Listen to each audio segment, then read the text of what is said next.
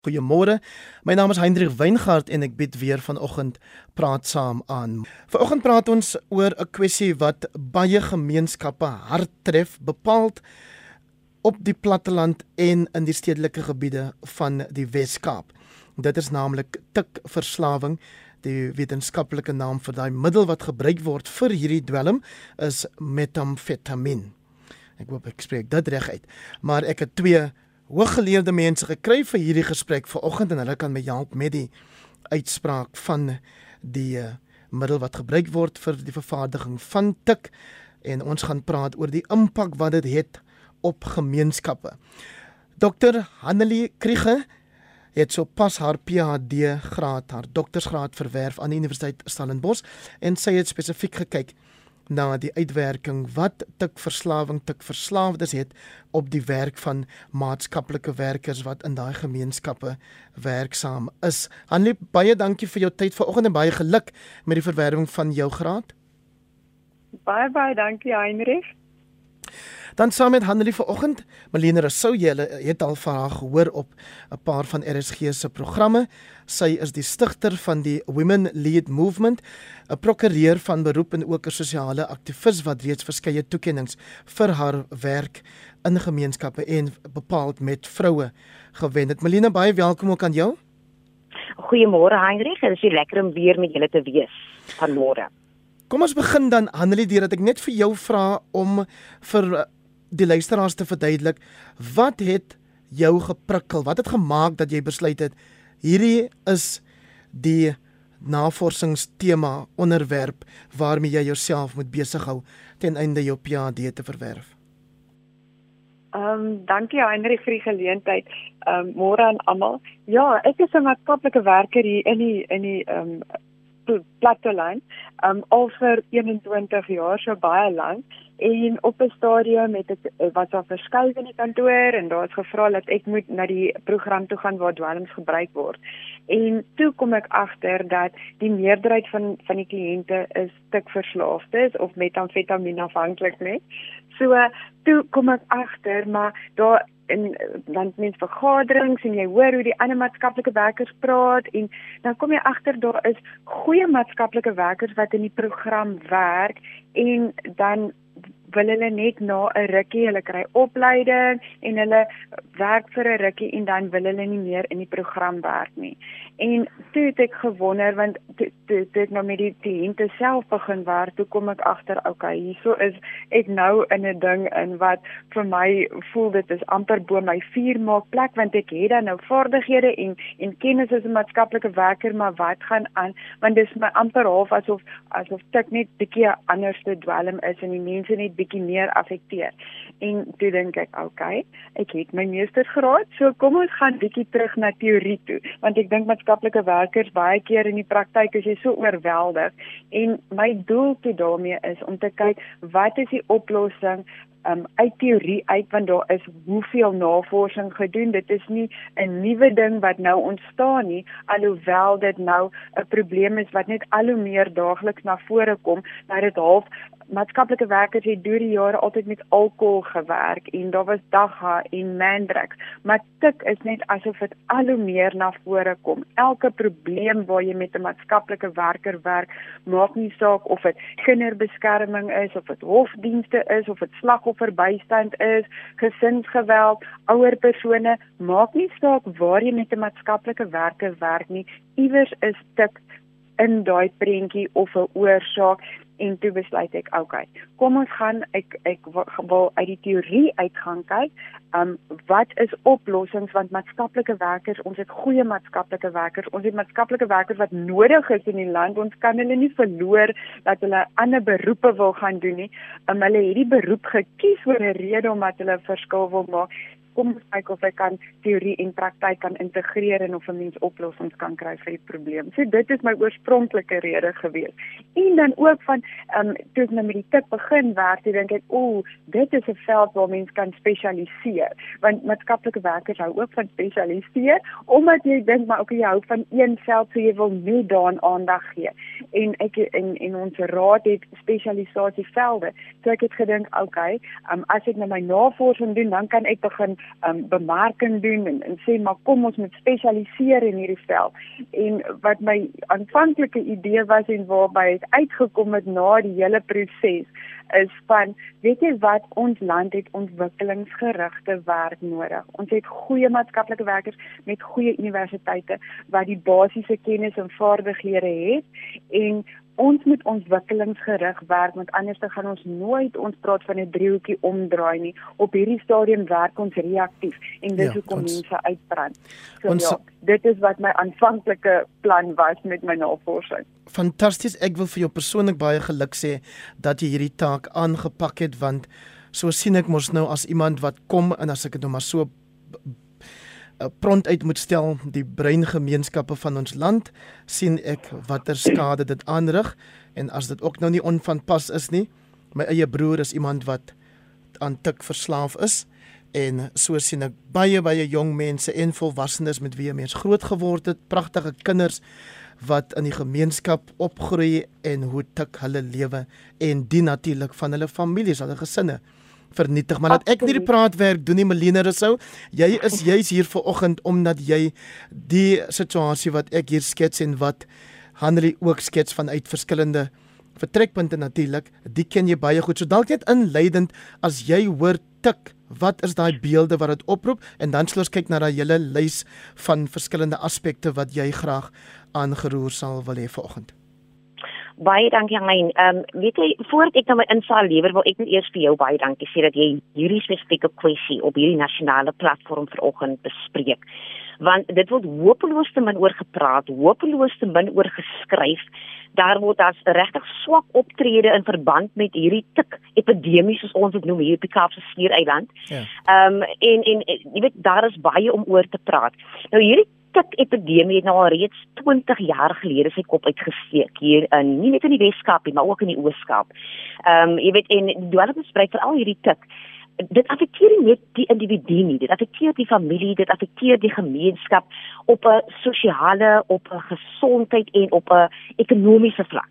Nou jy moet weet dat ons al krisispunt bereik het wanneer jy met ouers praat en hierdie mammies van hierdie tikverslaafde kinders kan jou sê Ek wonder of dit miskien maar beter sal wees as my kind nie net kan doodgaan nie. Of ek nie net kan doodgaan nie sodat ons dit verlos kan wees, dat ons kan vrede hê. Ehm um, jy weet van hierdie van hierdie ding af. En dit is 'n noodskreet. Jy, jy, jy kan dit hoor.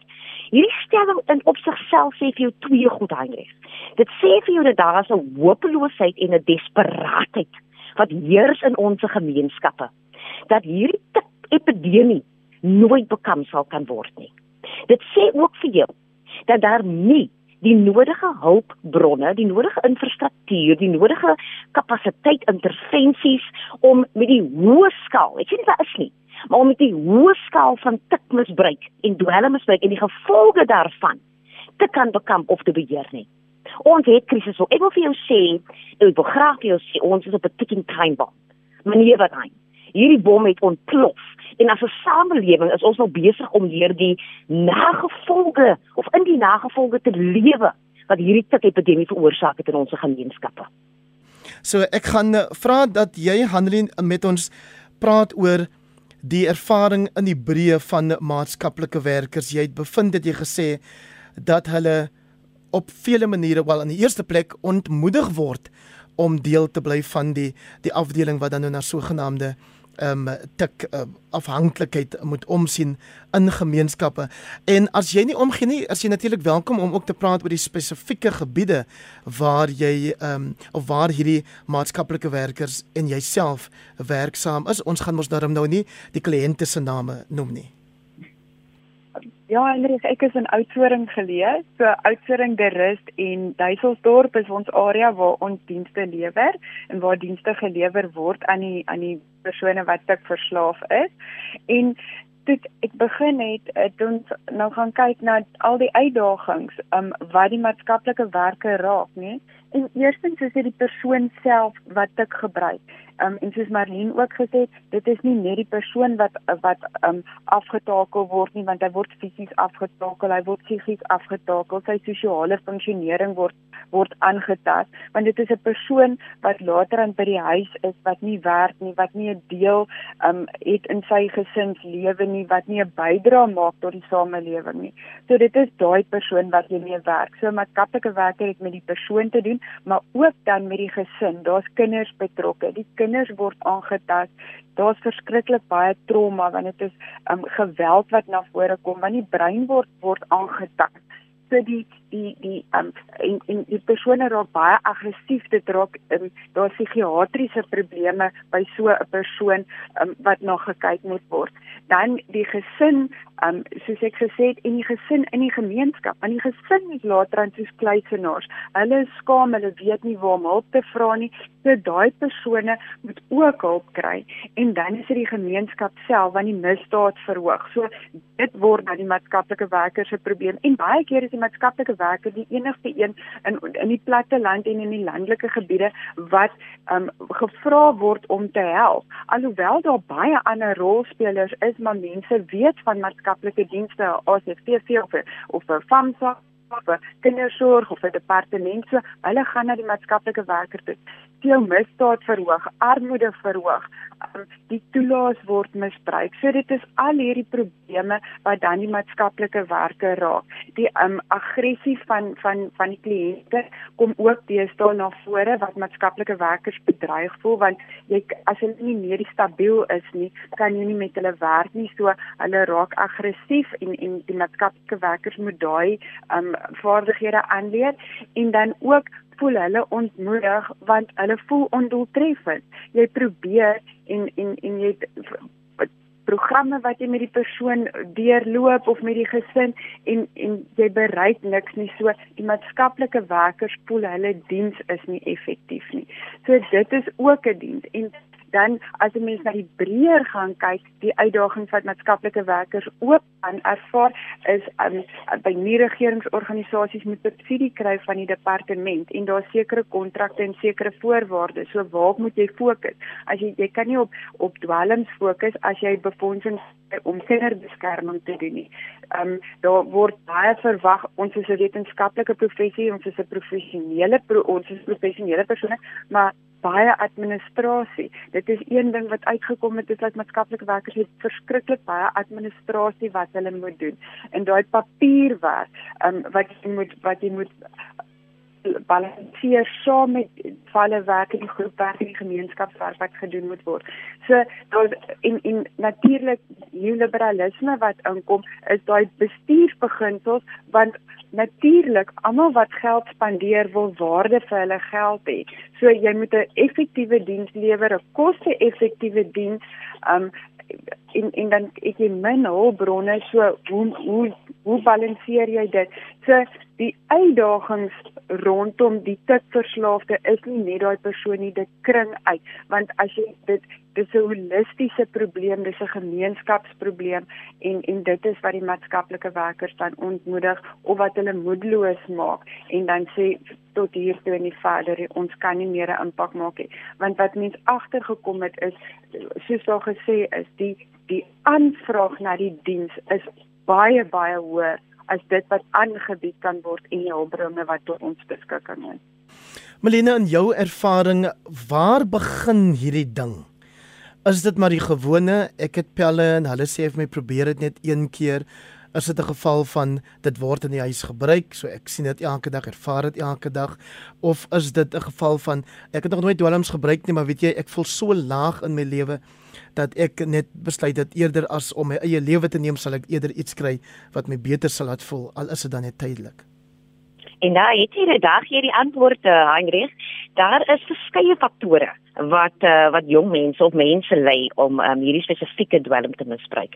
Daar's die individuele faktore, uh selfs familiefaktore en die sosiale faktore. Nou obviously die die, obvious social factors is daai armoede uh die werkloos die werkloosheid en so meer in die gemeenskap.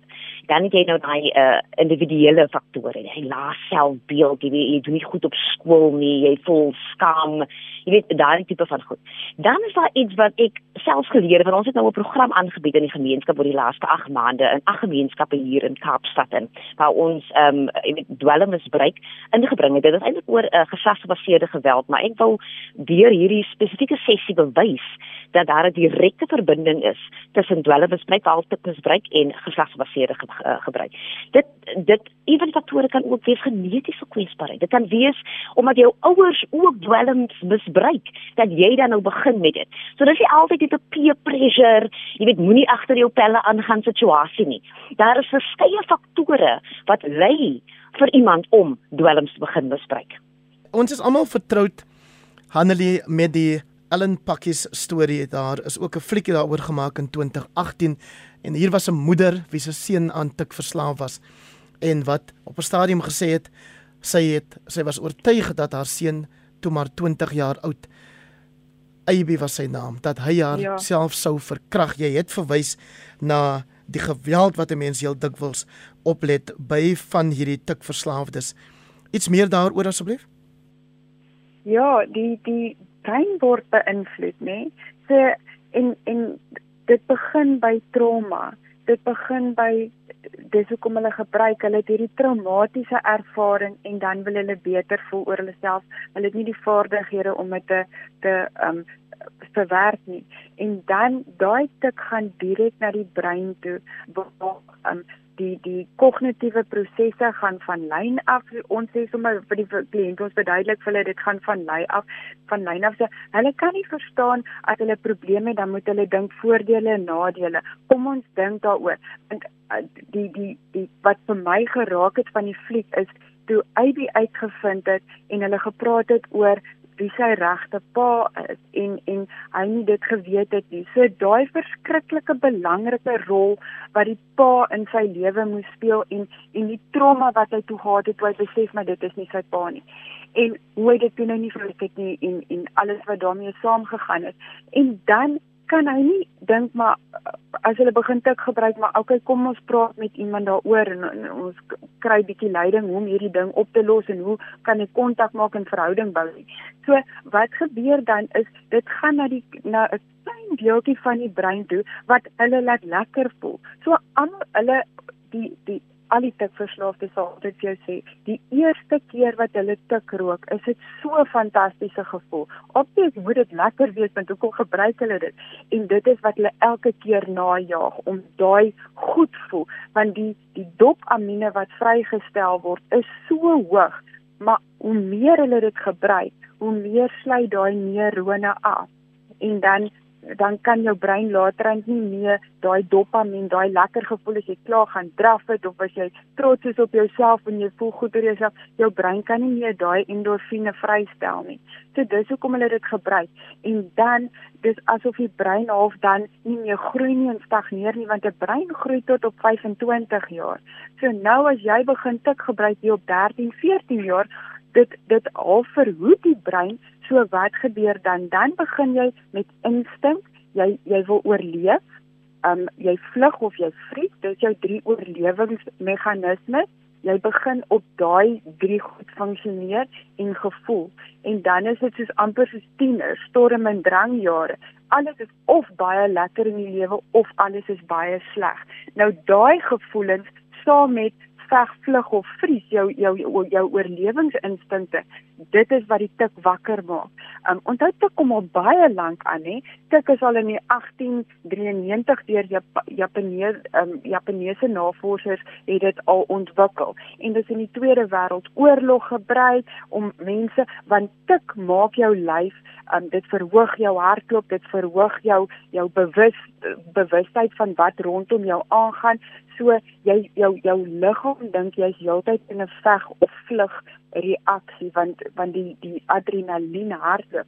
So saam met jou emosies van as jy nie lekker voel en jy wil beklei om te oorleef is dit wat gebeur is laat tik daai aggressie en dit kom uit in 'n huishouding. Hulle beklei as hulle wil geld hê want hulle wil gaan lekker voel. Hulle hulle kan nie reageer hulle emosies is is so um buite beheer dat hulle weet nie hoe om hulle verloor het om te praat. Hulle verloor die die vaardigheid om te kan te kan gaan sit en te sê maar kom ons sorteer hierdie ding uit of kom ek gaan soek hulle absoluut werk net op vegvlug en vries of um dan met hulle emosies daarmee saam en dit is hoekom ons dan so baie gesinsgeweld kry en die die ouers weet nie hoe om dit te hanteer nie.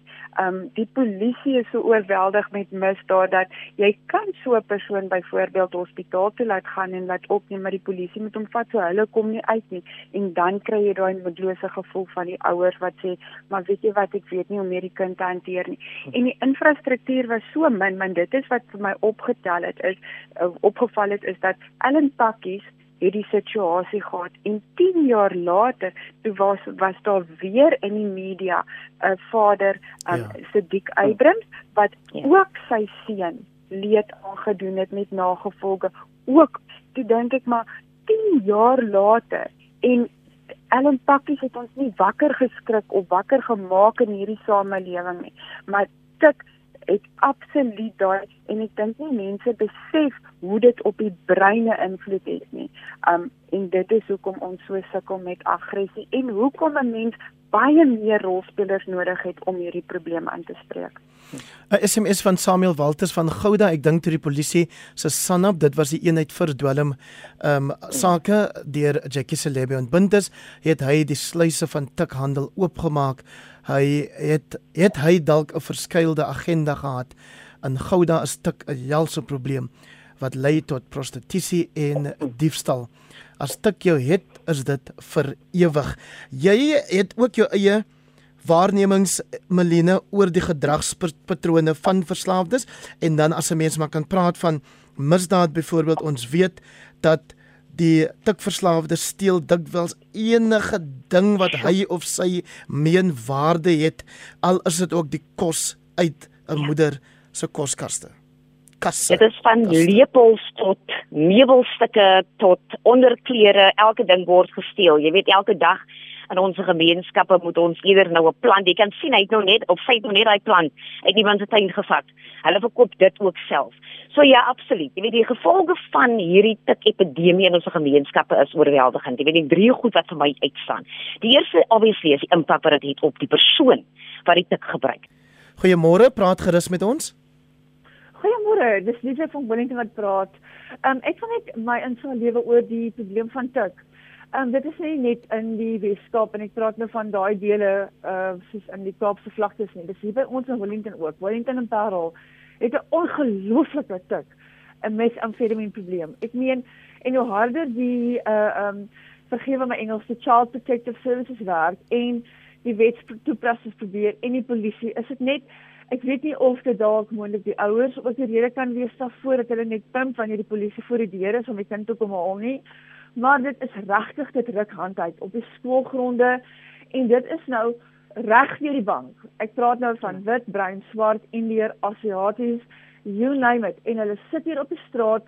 Ek kan nie jy jou mond sal oophang as jy hier in Wellington moet rondloop en hier by ons in, in die bergrivier want naweek toe dan kom die mense moet van oral oor hulle klim koel af in die bergrivier en dis daar waar daai verskriklike ewel die klik en die mense oorneem. Weet jy dat kinders so jonk as 8, 9 gaan nie skool toe nie want hulle is hoog op tik.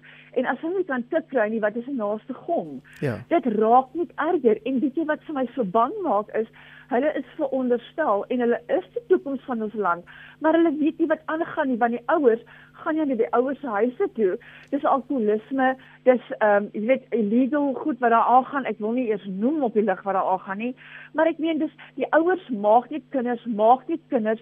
Hulle bring nie kinders in die wêreld in met vat wêreld maak groot, maar vir 9 maande is die maak staties want as hy swanger en en en maar kom die kind dan word hy oorgegee. Hy word betrek by bendes, hy word betrek by geweld. Hier is 'n vrou in Wellington wat letterlik elke week vra vir donasies, geen geld, net om hulle in rehabilitasie in te kry vir 8 maande dat hulle net daar kan wees. Skoon kom hulle moet wil skoon hulle moet wil.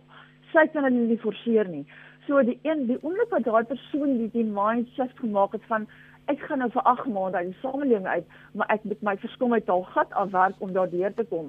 Maar as dit vir mense nie kos nie, ag nee, weet jy, ander mense sal sorg daarvoor. Ja. Wat jy gesê is jou naam? Ek is Lise Lot van Wellington. Lise, verskriklik baie dankie vir jou deelname aan ons gesprek vanoggend. Kom ek hoor dan nou of um, een van ons gaste daarop wil reageer. Uh ja, aan, ja Melina? Ek sal graag wou ja. Jy weet jy, jy weet hoe werk met geslagsgebaseerde geweld. Jy weet en um, in hierdie werking wat ons nou gedoen het in die gemeenskap en is presies reg wat die dame sê.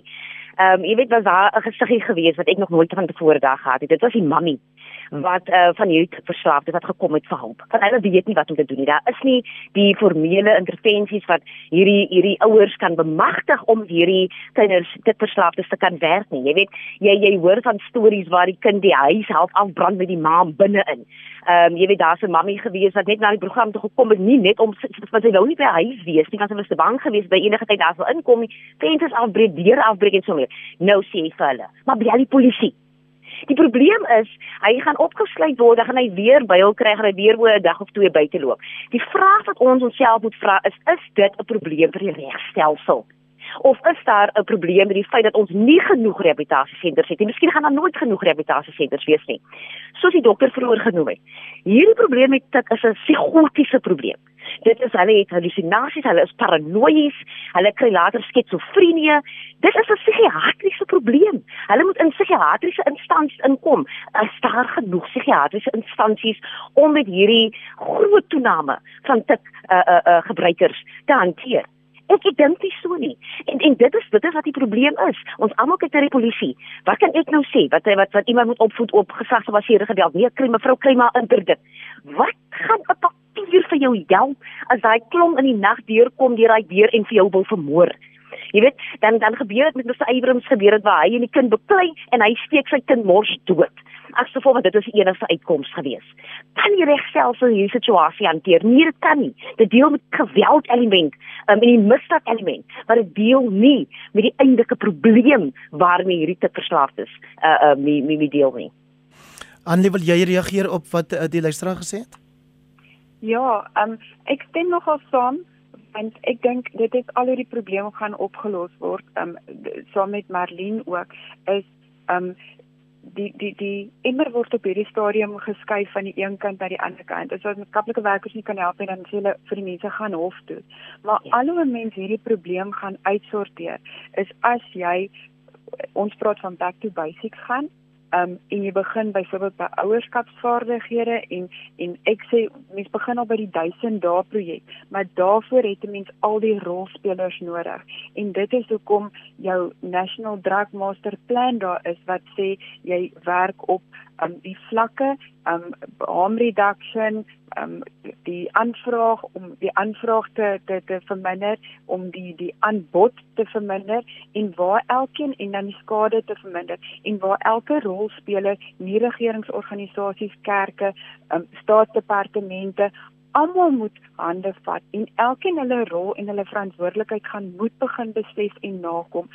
Um ek dink 'n mens gaan moet teruggaan amper op byvoorbeeld um soos met toe toe daai tyd toe HIV vigs so 'n verskriklike groot veldtog was in die land. Almal het ingespring en almal het boodskappe gehad daaroor en programme. Want 'n mens moet die mense so bombardeer amper half met die inligting. Um uh voorkomingswerk is byvoorbeeld nie net 'n uh, eenmalige programmetjie om op 'n verhoog te gaan staan by 'n skool en vir hulle te sê wat is die gevare van tik nie. Die kinders weet meer as ons.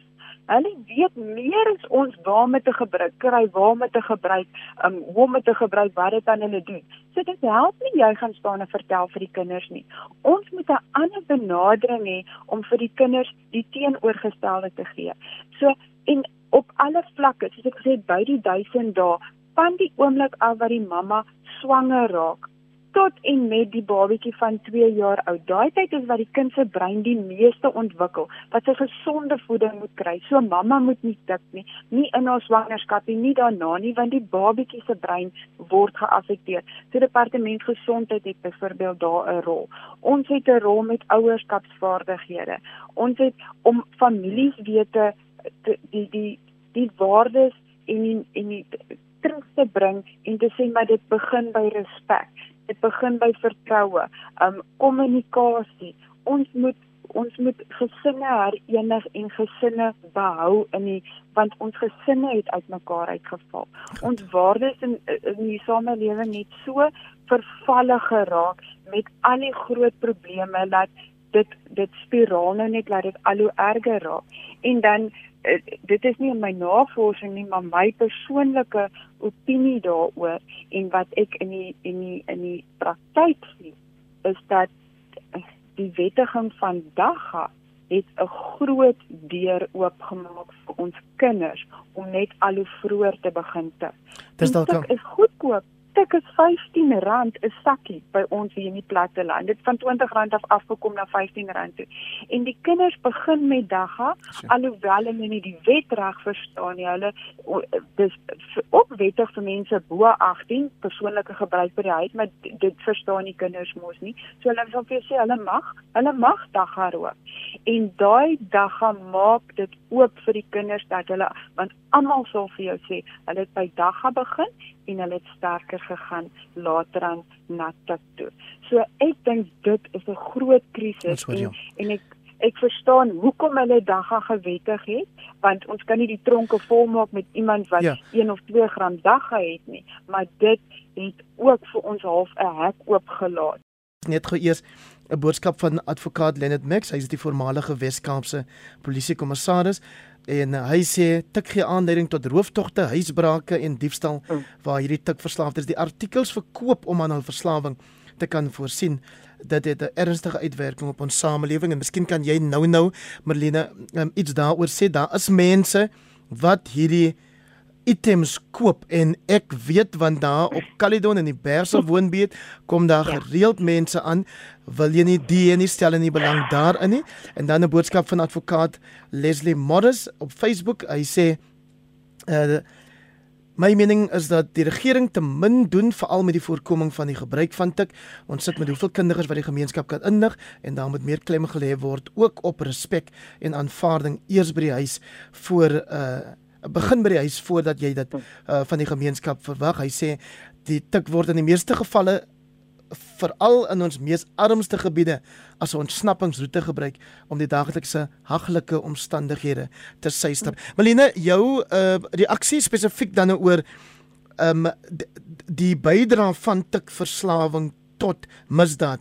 Natuurlik begin dit by die feit dat tik as 'n dwelm verkoop word wat op sigself 'n onwettige um situasie is. Absoluut. En die beide advokaat het eintlik briljante insig gelewer daarop. Jy weet van ons lewe en ons sien hierdie goed elke dag.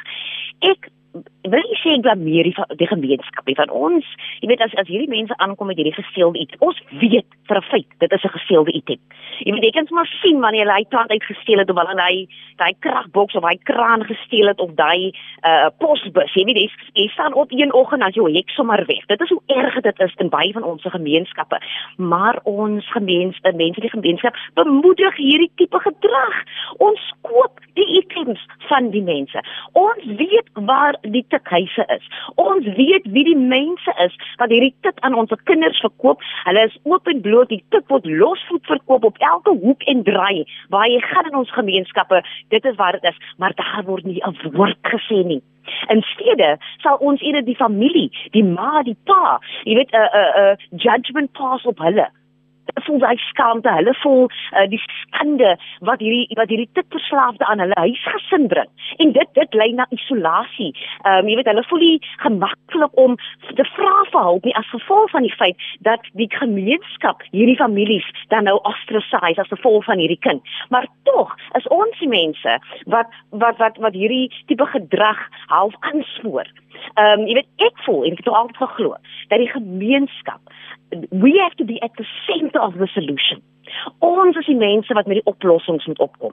Ons is die mense wat moet reageer wanneer ons sien 'n kind is besig om die pad buister te raak, maar ons sê absoluut niks. So ons baat nie ons blameer uh die familie of die ma of ons blameer die polisie wat pateties is nie. As ons nie opstaan as 'n gemeenskap en iets doen nie, dan gaan hierdie ding nooit uh hok geslaan word nie, Hendrik. En jy het gepraat oor begrotings vroeër handel dat as dit nou kom sê nou maar by die werk van maatskaplike werkers, ehm um, die die die aanvraag is eenvoudig te groot sê jy en dis ook nou nie asof jy nou geld kan vat van ander afdelings af en sê ehm um, gee daarvan vir ons nie. So wat is die boodskap hier aan die owerhede as sy dit nou nasionaal, provinsiaal of selfs op plaaslike vlak is? Ehm um, ja, laat ek ek mense moet begin prioritiseer en ek dink mense statistieke wys waar is die grootste probleem en dan sal 'n mens moet begin sê maar kyk ehm um, maatskaplike werkers is 'n skaars beroep. Daar is 'n klomp van ons, maar dit bly 'n skaars beroep as jy kyk na ons bevolking wat al hoe meer groei. En dan dat befondsing geskied na na die prioriteite van waar ons moet aanspreek. Ons werk op vier vlakke voorkoming, vroeë intervensie, statutêre nasorgdienste. En dan moet daar die geld moet so versprei word dat daar waar die grootste werk moet ingaan, organisasies befonds word, dat 'n mens kan hande vat, dat 'n mens die werk kan verdeel. Dit is hoekom mense die plaaslike dwelmaksiekomitee moet sterk wees en versterk word. Dis hoekom mense daar moet multidissiplinêre spanne wees. Dankie vir Melina se bydrae se iemand hier. Wat van dwelmhandelaars vra iemand anders? Dis natuurlik belangrik. Mani in Hartenbos skryf Heinrich lewenslange tronkstraf vir dwelmhandelaars verkieslik die doodstraf. Nou die doodstraf word deur ons grondwet, ons wetgewing natuurlik verbied, maar dit is nie vreemd dat mense vra dat dit teruggebring moet word spesifiek vir hierdie soort misdade in ons land nie. Ehm um, Uh Jaco sê kan ons asseblief weier praat as net tik. Daar is ook ander dwelms soos crack, coke, heroïne en so voorts met sulke met net sulke vernietigende effekte. Ek dink wel dat die kenners en dis nou naamlik Dr. Hanley Kriege het dit baie mooi uitgespel. Hanley, ek gaan jou vra om om te reageer op hierdie boodskap van Jaco. Hy vra kan ons weier praat as tik wanneer hy reken ander dwelms soos crack, coke, heroïne en so voorts het net sulke vernietigende effekte. Ek sou wou sê dat jy vroeër gepraat het van die psigologiese uitwerking um, wat tik natuurlik ook het op die gebruiker daarvan, maar antwoord asseblief vir Jaco dat ons hoor wat jy daaroor te sê het. Um, ja, absoluut. Die die dwelms word in verskillende kategorieë um verdeel en ek het net net in my navorsing op tik omdat dit spesifiek is, maar dit is 'n stimulant. So kokain, crack, dis ook 'n stimulant. Heroïne is weer 'n is weer soos 'n depressant, dit het weer ander effekte.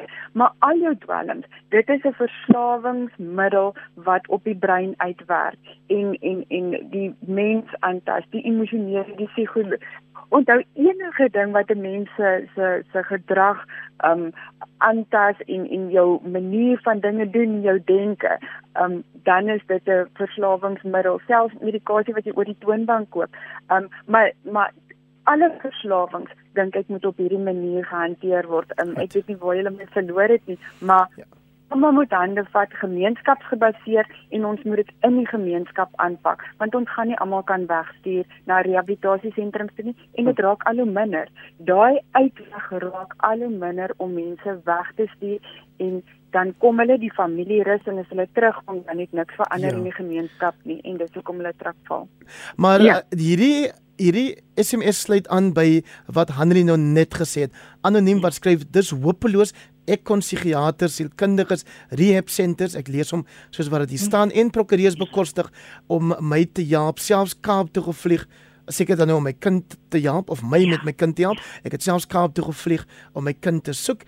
Dit begin uiteindelik met Dagga. Miskien kan jy net vinnig daaroor iets sê, maar dan asseblief ook oor die verwysing in 'n ander SMS en dit is naamlik die feit dat ons Hanlie het vroeër genoem dat eintlik behoort 'n vrou wat aan tik verslaaf is nie kinders in die lewe te bring nie want dit het outomaties dan nou soos natuurlik ook drankmisbruik en dis meer 'n uitwerking op die kind.